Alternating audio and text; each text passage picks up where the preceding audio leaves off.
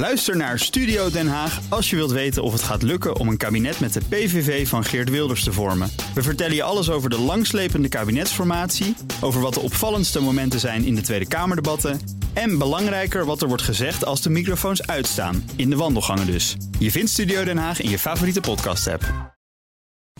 De column van Bernard Hammelburg.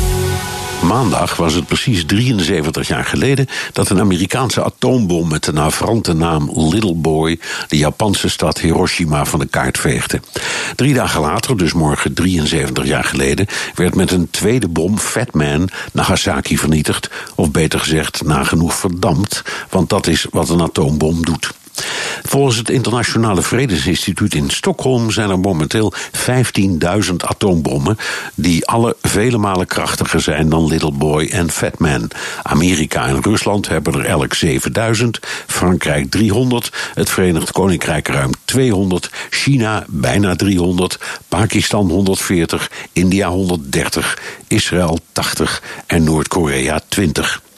Van die Amerikaanse bommen liggen er 150 in Turkije, België, Duitsland, Italië en Nederland.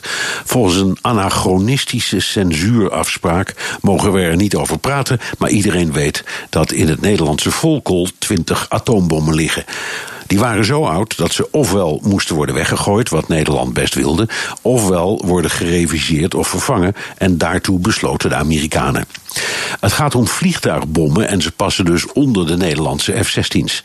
In 2014 nam de Tweede Kamer een motie aan van SP'er Jasper van Dijk, die erop neerkwam dat ze niet onder de nieuwe F-35 JSF mochten worden gehangen. Het kabinet legde de motie naast zich neer met als argument dat Nederland niet in zijn uppie kan afwijken van het NAVO-beleid.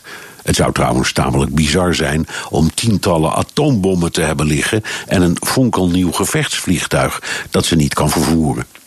De zaak speelt opnieuw omdat de Amerikanen nu vaart willen maken met het moderniseren van de Volkolse bommen. De drie linkse partijen hebben er weer Kamervragen over gesteld. Vooral, zegt SP'er Sadet Karabulut, omdat het plan kennelijk is om meer en kleinere bommen te plaatsen. Het kabinet lijkt een motie van ons aan de laars te lappen, herhaalt ze per sms. Het kabinet zit er duidelijk mee in zijn maag en heeft zich, heel verstandig, gewend tot de adviesraad internationale vraagstukken onder leiding van de oud-ministers De Hoop Scheffer en Voorhoeven.